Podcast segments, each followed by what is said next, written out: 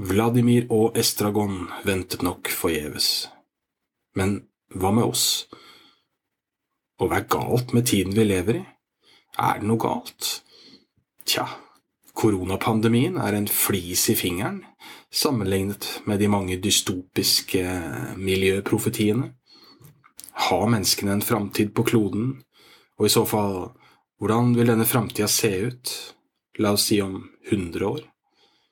Er den framtida egentlig noe å trakte etter? Eller er det bare slik at vi, menneskene, alltid har ventet på bedre tider, og at de gode tidene alltid er nå? Velkommen til annen episode i podkasten Dagbokvariasjoner.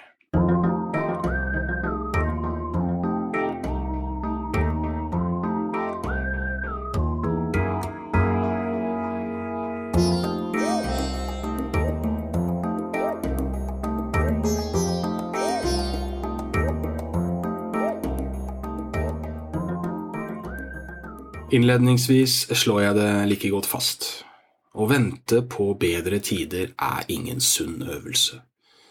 Jeg har ennå ikke møtt noen som har ventet seg vekk fra dårlige tider.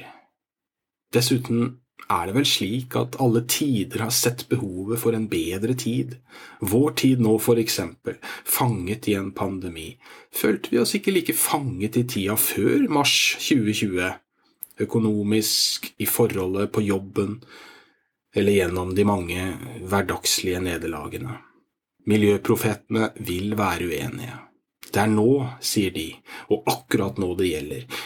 Det gjaldt ikke like mye før. Kampen står mot kapitalismen og en generell apati. Russland, USA og Saudi-Arabia motsetter seg naturlig nok alle slags FN-forsøk på å avslutte fossilkapitalistisk fortjeneste, og den generelle kommunikasjonen av dommedag gir oss følelsen av at seieren er umulig, vår eneste mulighet er å utsette tapet. Denne apatien ble møtt av tårene til Greta Thunberg i 2019 under et av de mest spektakulære innleggene til statsledere og verdensledere direkte sendt under FNs klimatoppmøte. Hvordan våger dere? Vel, mennesket er modig. Vi må huske at dommedag også er et arkaisk fenomen. Kanskje er det fullstendig tidløst og har fulgt menneskene siden Adam og Eva. Og den er til stede i alle religioner. I iransk religion er det en brennende metallstrøm som gjør ende på verden. Kan det leses klimasymbolsk? Uansett er beskrivelsen underlig lik profeten Esekiel sin. Men her, i Det gamle testamentet, beskriver det samme synet noe helt annet, nemlig Guds herlighet. Jeg så, og se, en stormvind kom fra nord en stor sky og flammende ild. Det var lysglans omkring den, og ut fra midten blinket det som av skinnende metall ut fra ilden. Fellesnevneren i de religiøse beretningene er dommen som skiller de onde fra de gode, frelse eller straff i det hinsidige. Sånn sett ser ingen beskrivelse av dommedag ut til å være et endelig farvel til alt, for å si det slik, ikke for de som har gjort seg fortjent til en fortsettelse. Moralsk høyverdighet og guddommelig fromhet vil bli belønnet, det er de ondes dommedag som beskrives. I vår tid tar dommedag et litt annet spor. Her er det intet skille mellom de gode og de onde Tårene til Tunberg er rettet mot oss alle. Vi er alle skyldige og skal dø ut som rase, sammen, nærmest hånd i hånd. Vår lefling med naturen har vært av en type hybris ingen unnslipper straff for. Til forskjell fra religiøse apokalypser er eskatologien her en endeløs beskrivelse av hvor sent vi forsto, hvor lite vi tok hensyn til, hvor skruppelløst vi oppførte oss. Og skriften på veggen, menneskenes skjebne, er knyttet til rovdrift, hensynsløs kapitalisme og det som beskrives som naturens katastrofale utvikling. ukontrollert befolkningsvekst, drivhuseffekten og rasering av det biologiske mangfoldet. Der er satt en dagsorden, men dette står seg ikke helt uten forsøk på motstand. Mange snakker om en menighet som ikke tåler motsigelser, andre viser til pengene bak klimalobbyen. Erling Fossen ser alt jammeret som rester fra amerikanske konspirasjonsteorier. USA og bedre tider, ja. I en av de tragiske nyhetssendingene vi kan finne på nett fra 9. september 2001, like før det første flyet treffer det ene tvillingtårnet, følger vi en sak det i ettertid blir absurd å ta seriøst. Saken omhandler orkaner. Flere av disse var i vente i Florida og i områdene rundt. Evakueringsplanene og myndighetene var klare, de hadde til og med gitt aksjonen et eget navn – Evacuation Dreadlock.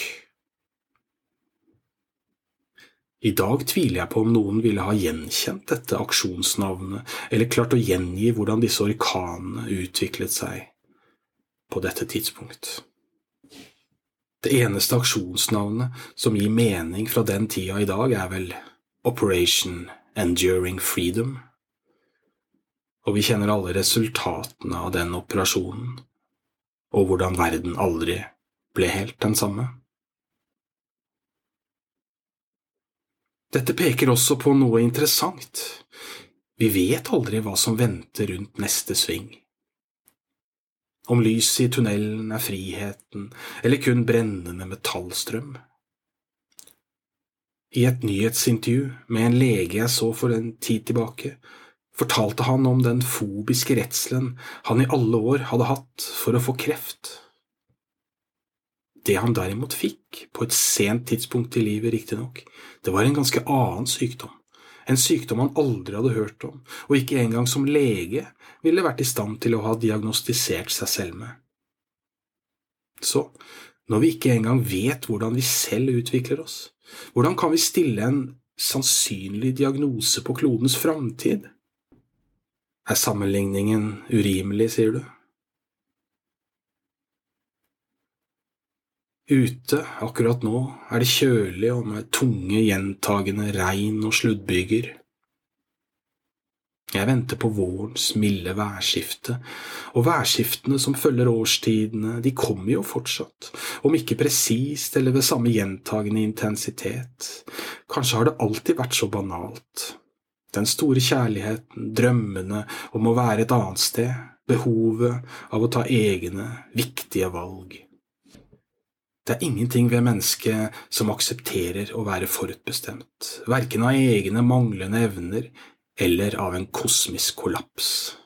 Vi har det ikke i oss, og i det vil også motsetningene forenes, enten man ser det som en styrke eller en svakhet ved mennesket.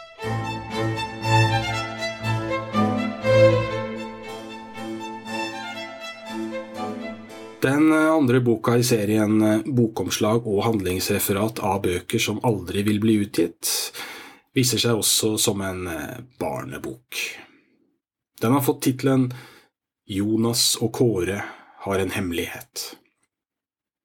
Bokomslaget viser to gutter som smiler hemmelighetsfullt til en voksen person, mens den ene skjuler en pistol bak ryggen.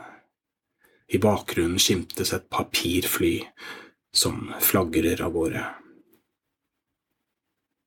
På baksiden står følgende bokomtale. En kald vårdag sniker Jonas og Kåre seg inn i et naust nede ved vannkanten. Noen har latt døra stå på gløtt, og guttene benytter anledningen til å gå inn. Ved kortveggen innerst ligger Holgersen, blodig og med en pistol ved siden av seg. Guttene sperrer øynene opp. Så spennende, hvisker Kåre. Han tar pistolen opp og legger den i lomma. Denne må vi prøve, sier han. På bordet i det andre hjørnet av rommet står en nesten tom brennevinsflaske, og ved siden av den ligger et håndskrevet brev. Ja, sier Jonas ivrig. Han griper brevet og bretter det til et papirfly. La oss se hvem av oss som klarer å treffe papirflyet først. De styrter på dør.